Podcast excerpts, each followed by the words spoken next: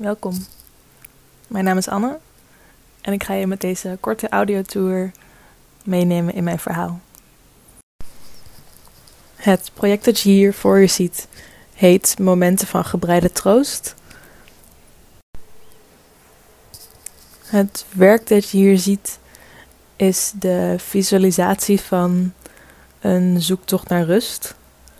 Een zoektocht naar rust in een wereld die altijd in sneltreinvaart staat. Waar je altijd je volgende trein moet halen. Moet rennen voor de bus. Hard moet fietsen omdat je een afspraak hebt.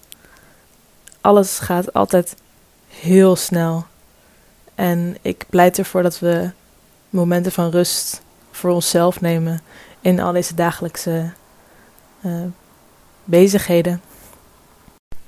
Daarnaast is het een visualisatie van de rust die ik zelf ervaar tijdens het maakwerk. Um, ik nodig je uit om het werk aan te raken. Dus laat je vingers maar glijden langs al die draden. Voel hoe zacht ze zijn. Voel elke steek die ik met de hand heb gezet.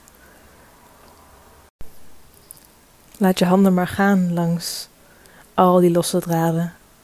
Loop langzaam om het werk heen. Neem stappen om het werk. Neem de tijd om het helemaal tot je te nemen. Door naar te kijken, maar ook door alle steken aan te raken.